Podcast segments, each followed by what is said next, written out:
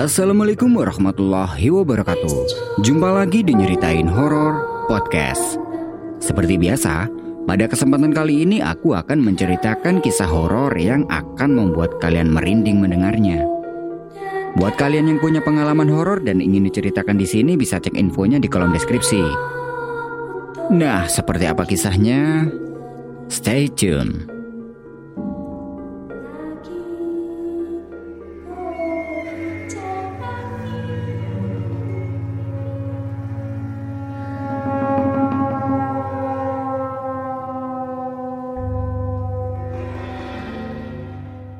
Waktu itu hari Sabtu, dia ingat betul karena kejadian horor yang dialaminya ini tidak bisa dia lupakan sampai sekarang.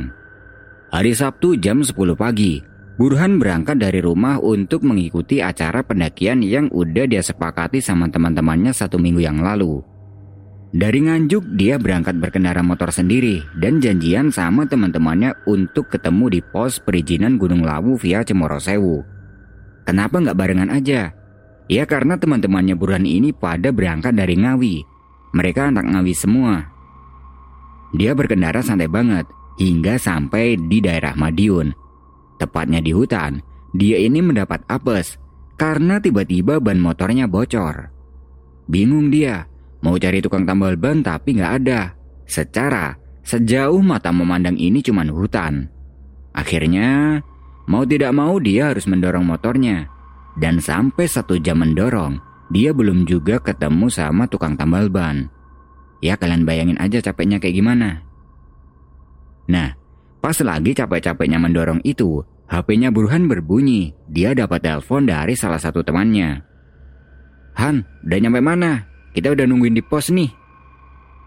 Sebut aja temannya yang nelpon itu adalah Taufik.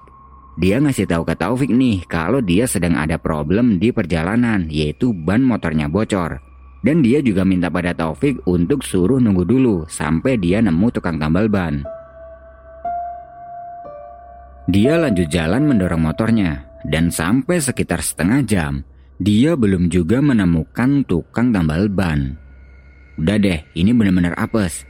Dia dapat telepon lagi dari Taufik buat nanyain Burhan udah nyampe di mana dan dia jawab masih belum nemu tukang tambal ban. Nah, karena nggak enak sama yang lain, Burhan minta pada Taufik buat jalan dulu aja, nanti suruh nungguin di pos peristirahatan. Lagian, Burhan juga bukan pertama kalinya mendaki ke Gunung Lau via Cemorosewu ini. Oke lah, Taufik dan teman-temannya bilang mau jalan dulu dan nanti mau nungguin Burhan di pos 2 atau di pos 3. Sementara Burhan, dia masih sibuk mencari tukang tambal ban. Beberapa menit mendorong akhirnya dia menemukan tukang tambal ban dan setelah ban motornya udah diperbaiki, dia langsung tancap gas menuju ke lokasi dan sampai di sana sekitar jam 3 sore. Sore itu, di pos perizinan sangat banyak pendaki yang naik maupun yang udah turun. Ya karena memang sekarang adalah hari weekend. Burhan langsung memarkirkan motornya, kemudian dia berjalan menuju ke pos perizinan untuk minta izin. Tidak butuh waktu lama, dia diizinkan untuk mendaki saat itu juga. Setelah sudah didapat, dia pergi ke warung dulu untuk beli kopi. Sekalian dia mau mencoba menghubungi Taufik. Tapi, saat itu nomor HP-nya Taufik udah nggak aktif. Berarti dia udah benar-benar naik. Karena kalau di atas gunung pasti nggak ada sinyal. Di warung itu dia santai-santai dulu, ngopi-ngopi dulu, sambil mengisap beberapa batang rokok. Ya baguslah kalau rame kayak gini. Setidaknya ntar aku gak ada temennya buat jalan naik. Batin Burhan. Beberapa menit di warung, dia langsung bergegas memulai perjalanan untuk menyusul Taufik dan yang lain. Sebelum berjalan meninggalkan pos perizinan, terlihat banyak banget pendaki yang juga mau naik. Burhan jalan aja masuk pintu hutan, dan beberapa meter berjalan meninggalkan pos tadi, dia mulai merasa ada keanehan. Anehnya kenapa? Tadi sebelum dia berjalan meninggalkan pos itu kelihatan banyak banget pendaki yang juga mau naik. Tapi kali ini jalurnya sepi banget. Satu orang pun dia tidak menjumpai, entah pendaki yang naik maupun yang turun. Dia masih berpikir positif aja. Ya mungkin saat itu memang gak ada pendaki yang turun ataupun yang naik. Dan pendaki yang kelihatan naik tadi itu udah jalan jauh di depan. Dia terus aja jalan hingga sampailah di pos pertama. Nah, di pos pertama Gunung Lawu via Cemoro Sewu ini terdapat beberapa warung di kiri dan kanan jalur. Sesampai di sini dia masih belum juga ketemu sama orang. Dia melihat beberapa warung yang ada di situ juga sangat sepi. Jadi kondisi warungnya ini buka, dagangannya juga ada, tapi suasananya sepi banget. Penjualnya pun gak ada. Di situ dia sempat berhenti sebentar untuk berpikir. Ini emang lagi gak ada orang apa gimana ya? Perasaan tadi yang naik banyak banget, tapi kok selama aku jalan aku nggak ketemu sama satu orang pun. Dia lanjut jalan melewati beberapa warung, dan setelah melewati beberapa warung tadi, dia melihat ada satu orang tua yang sedang duduk di depan bangunan pos pertama. Orangnya sih nggak tua-tua amat, ya sekitar 60-70 tahunan lah. Dia sedang duduk sendiri sambil mengepulkan asap rokok. Melihat orang itu Burhan merasa lega karena setidaknya dia bisa bertemu sama orang lain. Dia berjalan menuju ke bangunan pos itu dan menyapa orang tua yang sedang duduk itu. Tapi belum sampai dia bersuara, orang tua itu bilang ke Burhan, Nak, ada air nggak? Kalau ada aku minta sedikit. Oh ada kek, sebentar ya. Jawab Burhan. Burhan mengambil air yang ada di dalam tasnya, kemudian diberikan pada orang tua itu. Terlihat, orang tua itu sepertinya sangat kehausan. Dia minum air sampai setengah botol. Setelah itu dia mengembalikan botolnya kepada Burhan dan bilang terima kasih. Nah, berhubung waktu itu Burhan ini dalam kondisi capek, dia memutuskan untuk istirahat dulu. Dia duduk tidak jauh dari orang tua itu dan dia membuka omongan. Sepi ya kayak jalurnya, padahal tadi di bawah rame banget loh. Iya sepi, tapi sebenarnya rame. Naik sendirian aja nih kek? Enggak, aku lagi nungguin rombongan yang masih di bawah. Burhan mengeluarkan sebungkus rokok dan menawari orang tua itu, tapi orang tua itu menolak. Tidak lama kemudian, terdengar ada suara dari bawah. Itu adalah suara segorombolan orang yang sedang naik. Tapi, kayaknya itu bukan pendaki, melainkan segerombolan orang yang berpakaian zaman dulu. Kalau dikira-kira ada sekitar 10 orang, di antaranya adalah laki-laki, perempuan, dan beberapa anak kecil. Burhan penasaran dengan orang-orang itu. Kemudian, orang tua yang ada di sebelahnya itu pamit. Katanya, rombongan yang dia tungguin itu udah datang. Orang tua itu kemudian berdiri dan lanjut berjalan dengan segerombolan orang yang berpakaian aneh itu.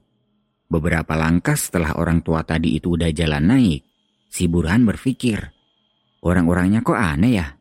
Apa mungkin mereka warga kampung sini? Tidak lama kemudian, orang-orang yang jalan tadi itu udah gak kelihatan. Dan Burhan juga bergegas melanjutkan perjalanan untuk menyusul teman-temannya. Dan anehnya, di perjalanan ini dia belum juga ketemu dengan satu orang pendaki pun. Begitupun orang-orang aneh yang tadi udah jalan duluan. Padahal, tadi belum lama mereka jalan kemudian Burhan juga bergegas jalan. Dan orang-orang yang aneh tadi itu jalannya nggak begitu cepat. Harusnya Burhan bisa berjalan menyusul mereka, tapi ini kok nggak ketemu. Sampai di sini Burhan mulai merasa ada kejanggalan di dalam perjalanannya. Karena sejak naik dari pos tadi sampai sekarang dia tidak menjumpai pendaki lain satupun. Malahan dia ketemu sama orang-orang yang aneh tadi. Dia mempercepat jalan. Beberapa menit kemudian, di depan kelihatan ada banyak tenda dan banyak pendaki lain yang sedang ngecamp. Yang tidak lain itu adalah pos 2. Burhan merasa sangat lega karena sekarang dia udah bisa ketemu dengan pendaki lain dia berjalan menuju ke pos 2. Sesampainya di sana, dia duduk di pinggir jalur untuk istirahat. Sekalian melihat-lihat keadaan pos 2 untuk mencari teman-temannya. Karena mungkin mereka sedang ngecamp di sini. Nah, sampai di sini, Burhan benar-benar merasakan ada yang aneh. Di pos 2 ini dia baru melihat pendaki lain yang sedang mondar-mandir berjalan naik turun. Di bawah, kelihatan ada banyak banget pendaki yang juga akan naik. Dia berpikir, loh kok bisa kayak gini sih? kenapa baru sekarang aku melihat pendaki yang naik? Kenapa selama perjalanan dari pos tadi aku nggak ngelihat orang sama sekali? Akhirnya ya udahlah, yang penting sekarang dia udah bisa ketemu sama keramaian pendaki. Dia berdiri dan celingukan. Kemudian terlihat teman-temannya sedang ngecamp di belakang bangunan pos 2. Dia segera mendatangi teman-temannya itu dan bergabung. Setelah bergabung dia ditanya sama Taufik. Gimana Bur motornya? Aman? Aman, cuman agak apes aja tadi, soalnya bannya bocor pas di tengah hutan. Yaudah makan dulu, kita sisain makanan nih buat kamu. Karena waktu itu Burhan membawa tenda sendiri, jadi dia mendirikan tendanya di dekat teman-temannya. Setelah itu dia makan. Habis makan, dia ngobrol-ngobrol gitu sama yang lain. Sekalian kenalan sama teman-temannya Taufik yang ada beberapa yang belum dia kenal. Malam harinya mereka ngumpul-ngumpul nih sambil ngopi di depan tenda. Dan pas yang lain udah pada tidur, tinggal Taufik sama Burhan aja yang masih asik ngopi. Di situ Burhan sedikit cerita ke Taufik tentang kejadian aneh yang dialami selama naik tadi. Mulai dari dia nggak ketemu sama orang, ketemu sama orang tua di pos 1, dan juga ketemu sama orang-orang berpakaian aneh. Mendengar itu, Taufik sedikit kurang percaya karena menurut Taufik sejak dia naik tadi hingga sampai di pos 2 pendaki itu ramai banget yang naik ataupun yang turun. Dan bagaimana bisa buruan ini nggak ketemu sama orang sama sekali. Dan untuk orang-orang yang berpakaian aneh, Taufik juga merasa tidak pernah melihat orang-orang itu lewat di pos 2. Karena sejak dia sampai di pos 2 ini dia selalu melihat ke arah jalur untuk menunggu Burhan datang. Agak sedikit bingung juga mereka berdua. Lalu Taufik meminta pada Burhan untuk melupakan itu semua. Yang penting sekarang dia udah bisa ketemu sama rombongannya. Ya anggap aja tadi itu memang dia sedang gak ketemu sama orang gitu aja. Karena malam semakin larut, mereka berdua tidur. Dan keesokan harinya, Burhan Taufik dan rombongannya melanjutkan perjalanan. Pos demi pos mereka lewati tanpa ada kendala apa pun hingga sampai di area Hargo Dalam pada siang hari. Di Argo Dalam itu mereka ngecamp lagi buat nungguin besok buat naik ke puncak Gunung Lawu. Nah, sampai di sini Burhan udah lupa dengan semua kejadian saat naik tadi. Dia udah akrab sama teman-temannya Taufik. Dan di Hargo Dalam itu mereka bersenang-senang, foto-foto, dan segala macam. Hari itu udah gak ada kejadian aneh lagi yang dialami Burhan. Dan singkat cerita, besoknya sekitar jam 7 mereka berangkat ke puncak tenda peralatan yang tidak diperlukan semua ditinggal di tempat camp. Sesampainya di puncak, mereka melampiaskan kegembiraannya masing-masing. Ada yang bikin kopi, foto-foto, dan segala macam. Karena saking asiknya, sampai-sampai HP-nya Burhan ini lowbat karena dipakai foto-foto sama teman-temannya. Ya karena memang kameranya Burhan ini bisa dibilang paling bagus dibanding kamera teman-teman yang lain. Tapi nggak apa-apa lah meskipun lowbat. Lagian, habis ini juga udah turun kan? Setelah puas di puncak itu, mereka kembali turun ke Hargo Dalam dan mampir di warung buat makan. Nah, di warung itu tanpa sengaja Burhan ketemu sama teman-temannya orang Solo. Dulu mereka pernah nanjak bareng ke Gunung Sumbing. Ya, teman ketemu di gunung gitulah. Burhan menghampiri rombongan itu untuk menyapanya. Mereka ada empat orang, yang salah satunya bernama Didit. Di situ mereka ngobrol-ngobrol banyak banget sambil makan. Kemudian Taufik datang buat ngajakin balik ke tenda. Taufik dikenalin sama teman-temannya Burhan itu. Kemudian Burhan minta pada Taufik buat balik duluan ke tenda karena dia masih asik di sini sama rombongannya Didit. Nongkrong sampai lama banget tuh, sampai nggak sadar waktu. Tahu-tahu udah sore aja. Taufik datang buat ngajakin Burhan turun. Katanya, Tenda dan peralatan udah pada di packing, tinggal tendanya Burhan aja yang masih berdiri. Nah, karena masih asik sama teman-temannya itu, Burhan minta sama Taufik untuk turun duluan aja pelan-pelan, biar nanti dia nyusul. Oke lah, Taufik dan yang lain bergerak turun meninggalkan Hargo Dalam. Selang beberapa menit kemudian, Burhan pamit sama teman-temannya itu buat turun. Sesampainya di tempat camp, dia mengemasi tenda dan peralatannya. Nah, pas lagi berkemas-kemas itu, tiba-tiba dia ingat sesuatu. Ingat kejadian kemarin pas dia naik sendirian. Waduh, Jangan sampai kejadian yang kemarin itu keulang lagi pas turun nanti. Secara kan dia ini sendirian lagi kan? Setelah semua sudah dikemas, dia mulai berjalan turun. Dia jalannya sedikit ngebut nih biar bisa nyusul Taufik dan yang lain. Di perjalanan turun masih biasa aja, banyak pendaki berlalu lalang. Beberapa saat kemudian, dia sampai di pos 4 dan di situ dia nggak berhenti. Setelah cukup lama berjalan, langit udah mulai gelap. Senter dinyalakan. Dan sampai saat itu, kondisi jalur masih cukup ramai pendaki, tapi nggak seramai tadi. Karena mungkin sekarang udah gelap dan banyak pendaki yang memilih untuk tidak melanjutkan perjalanan malam. Terus berjalan. Semakin lama, keadaan jalur mulai agak berbeda dari sebelumnya. Sekarang dia sudah tidak ketemu sama pendaki lain satupun.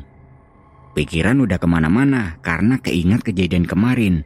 Dan ada rasa penyesalan karena udah minta Taufik buat turun duluan tadi. Jalur masih berupa bebatuan dan menurun. Dan udah cukup lama berjalan. Dia tidak melihat tanda-tanda keberadaan pos peristirahatan. Jalannya masih sepi banget, gak ketemu sama orang lain satupun. Tas dia buka untuk melihat jam. Dan apesnya, saat itu HP-nya Burhan mati. Karena mungkin tadi di atas terlalu sering dipakai buat foto-foto. Dia masih terus aja berjalan. Dan dari sini, dia udah mulai merasa ada yang tidak logis. Kenapa? Karena dia ini udah jalan lama banget dan seharusnya ini udah sampai di pos 3. Dia masih berpikir positif aja. Ya mungkin jalannya sebentar lagi. Jalan terus. Dan tetap aja dia nggak ngelihat ada tanda-tanda keberadaan pos 3. Ini apa-apaan coba? Pikirnya. Karena capek dia berhenti nih di pinggir jalur. Dan untuk menghilangkan pikirannya yang kacau, dia menyalakan sebatang rokok. Sambil dia coba mendengarkan tanda-tanda pendaki lain. Tapi ini suasananya sunyi banget. Jadi kayak hening banget gitu. Gak kedengeran apa-apa. Suara angin pun gak ada. Singkat cerita rokok sudah habis dan dia lanjut jalan lagi. Lama udah dia jalan dan keadaan masih sama. Tanda-tanda keberadaan pos 3 pun belum dia lihat. Pikiran udah kacau semua, takutnya nyasar atau yang lain. Tapi kalau nyasar kayaknya enggak.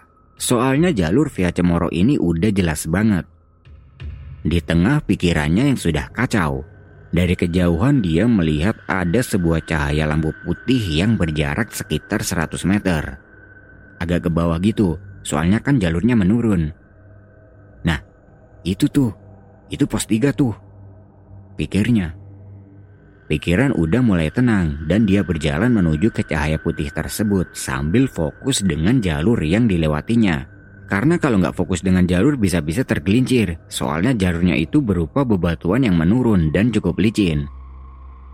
Beberapa menit berjalan, dia melihat lagi cahaya putih tadi. Tapi kok dia ini nggak sampai-sampai? Jarak antara dia berdiri dan cahaya putih itu masih tetap sama kayak tadi, pas dia awal ngelihat. Sempat berpikir ada yang janggal, tapi dia positif thinking aja. Ya mungkin aja emang belum sampai di situ. Dia terus aja jalan dan kejadian yang sama terulang lagi. Dia nggak sampai-sampai ke cahaya itu. Jaraknya pun masih sama kayak awal tadi. Nah, dari sini dia berpikir ada yang aneh. Karena logikanya, kalau dihitung dari jarak yang sekitar 100 meter sejak awal ngeliat tadi, harusnya dia ini udah nyampe di cahaya itu. Secara dia ini udah jalan kira-kira 10 menitan dari awal tadi. Lanjut jalan lagi. Dan kali ini sambil jalan, dia ini sering-sering melihat cahaya putih itu. Hingga akhirnya sampailah Burhan di sana. Tapi ternyata itu bukan pos 3, melainkan warung. Tapi meskipun bukan pos 3 nggak apa-apa lah, setidaknya dia bisa istirahat dulu di warung itu. Dia jalan mendekati warung itu dan meletakkan tasnya di atas tanah. Tapi kok warung ini sepi banget, gak ada pembeli sama sekali. Dia telingukan mencari penjualnya sambil mengucap permisi.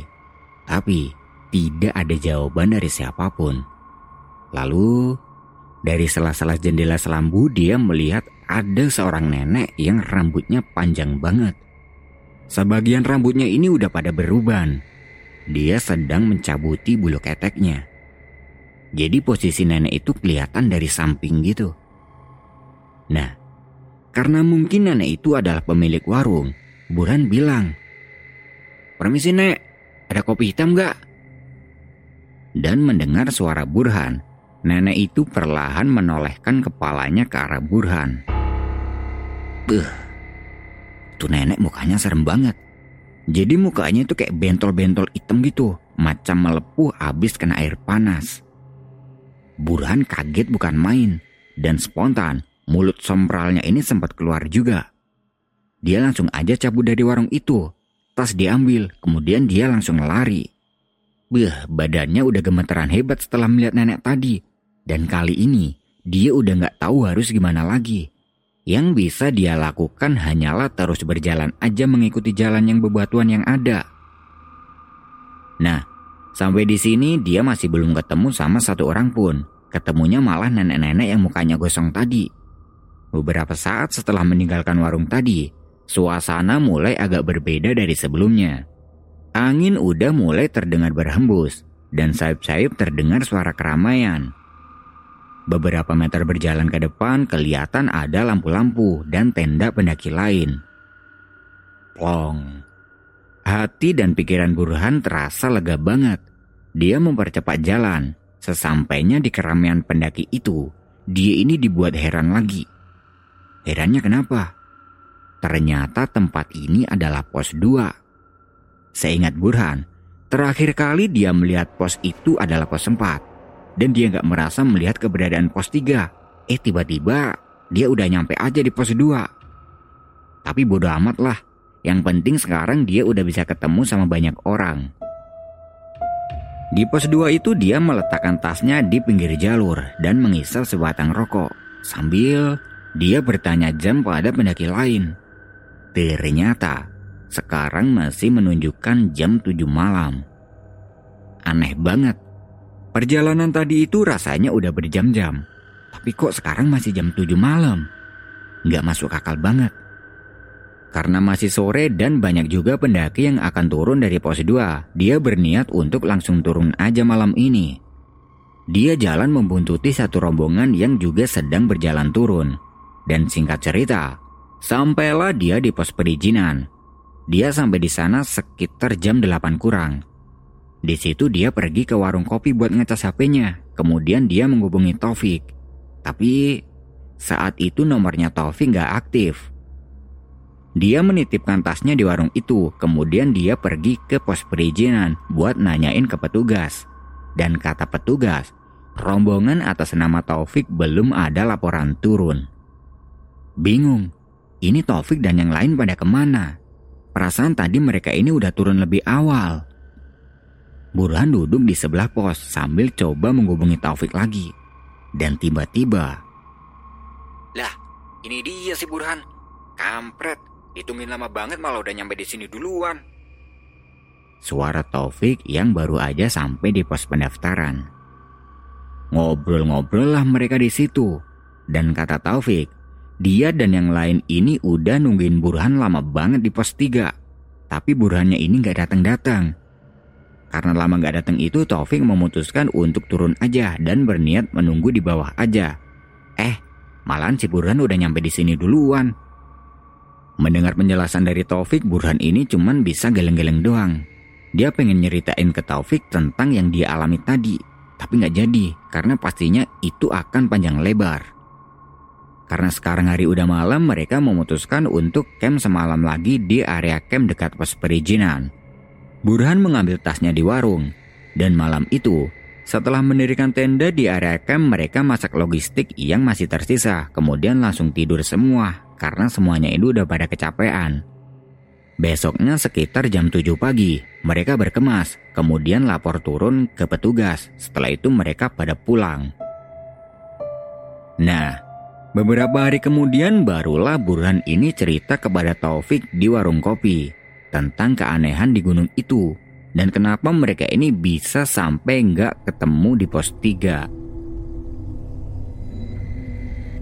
Nah, itu tadi adalah sebuah kisah horor yang bisa aku sajikan ke kalian semua.